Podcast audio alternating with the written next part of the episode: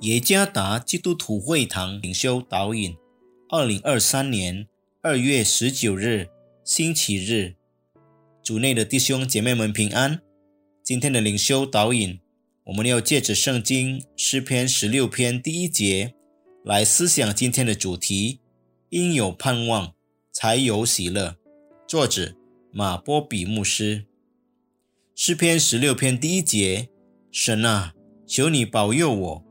因为我投靠你，在今天的灵修经文中，有些句子让我个人感到坚强和喜乐。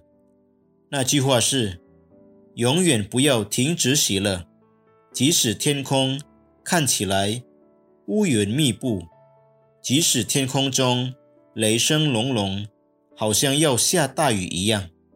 仰望基督，并依靠他，因为他。必不叫仰望他的人失望。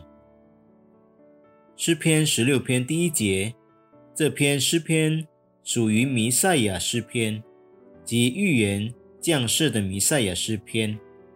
在本章中，我们可以读到大卫比同时代的人有更深的理解，他的视野穿透未来，他以信心的眼睛。看到在神里面的圣徒要复活，这成为他的盼望。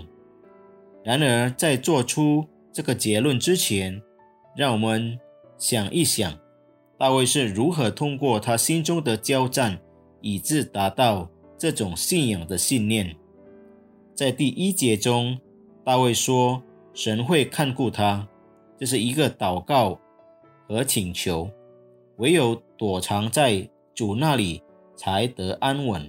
是的，信徒必须躲藏在神里面，并投靠上帝。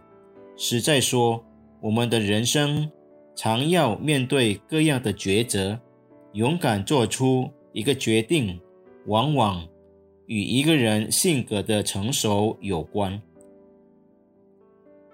哲学家在选择中做出决定。以显示自己作为一个敢于做出选择的人的存在，但更重要的是，所做出的选择是否是对的，是正确的呢？可见大卫的选择是正确的，他将自己完全交托了神。生活在这虚幻的世界并不容易，在这里我们面临的挑战。一个接一个的考验着我们的信心，冲刺心灵的喜悦，有时会被沉重的挣扎和痛苦所取代，令人流泪。哭泣和痛苦已成为日常生活的一部分。然而，对于信徒来说，这一切不应抹去我们心中的喜乐。可能会有挑战，我们会经历痛苦。但我们必须保守心中的喜乐。为什么？因为上帝的应许是向那些仰望他的人显明的。因为将来必有你们的盼望，也不至于落空。真言书二十三章十八节：仰望上帝的人不会失望。愿上帝赐福弟兄姐妹们。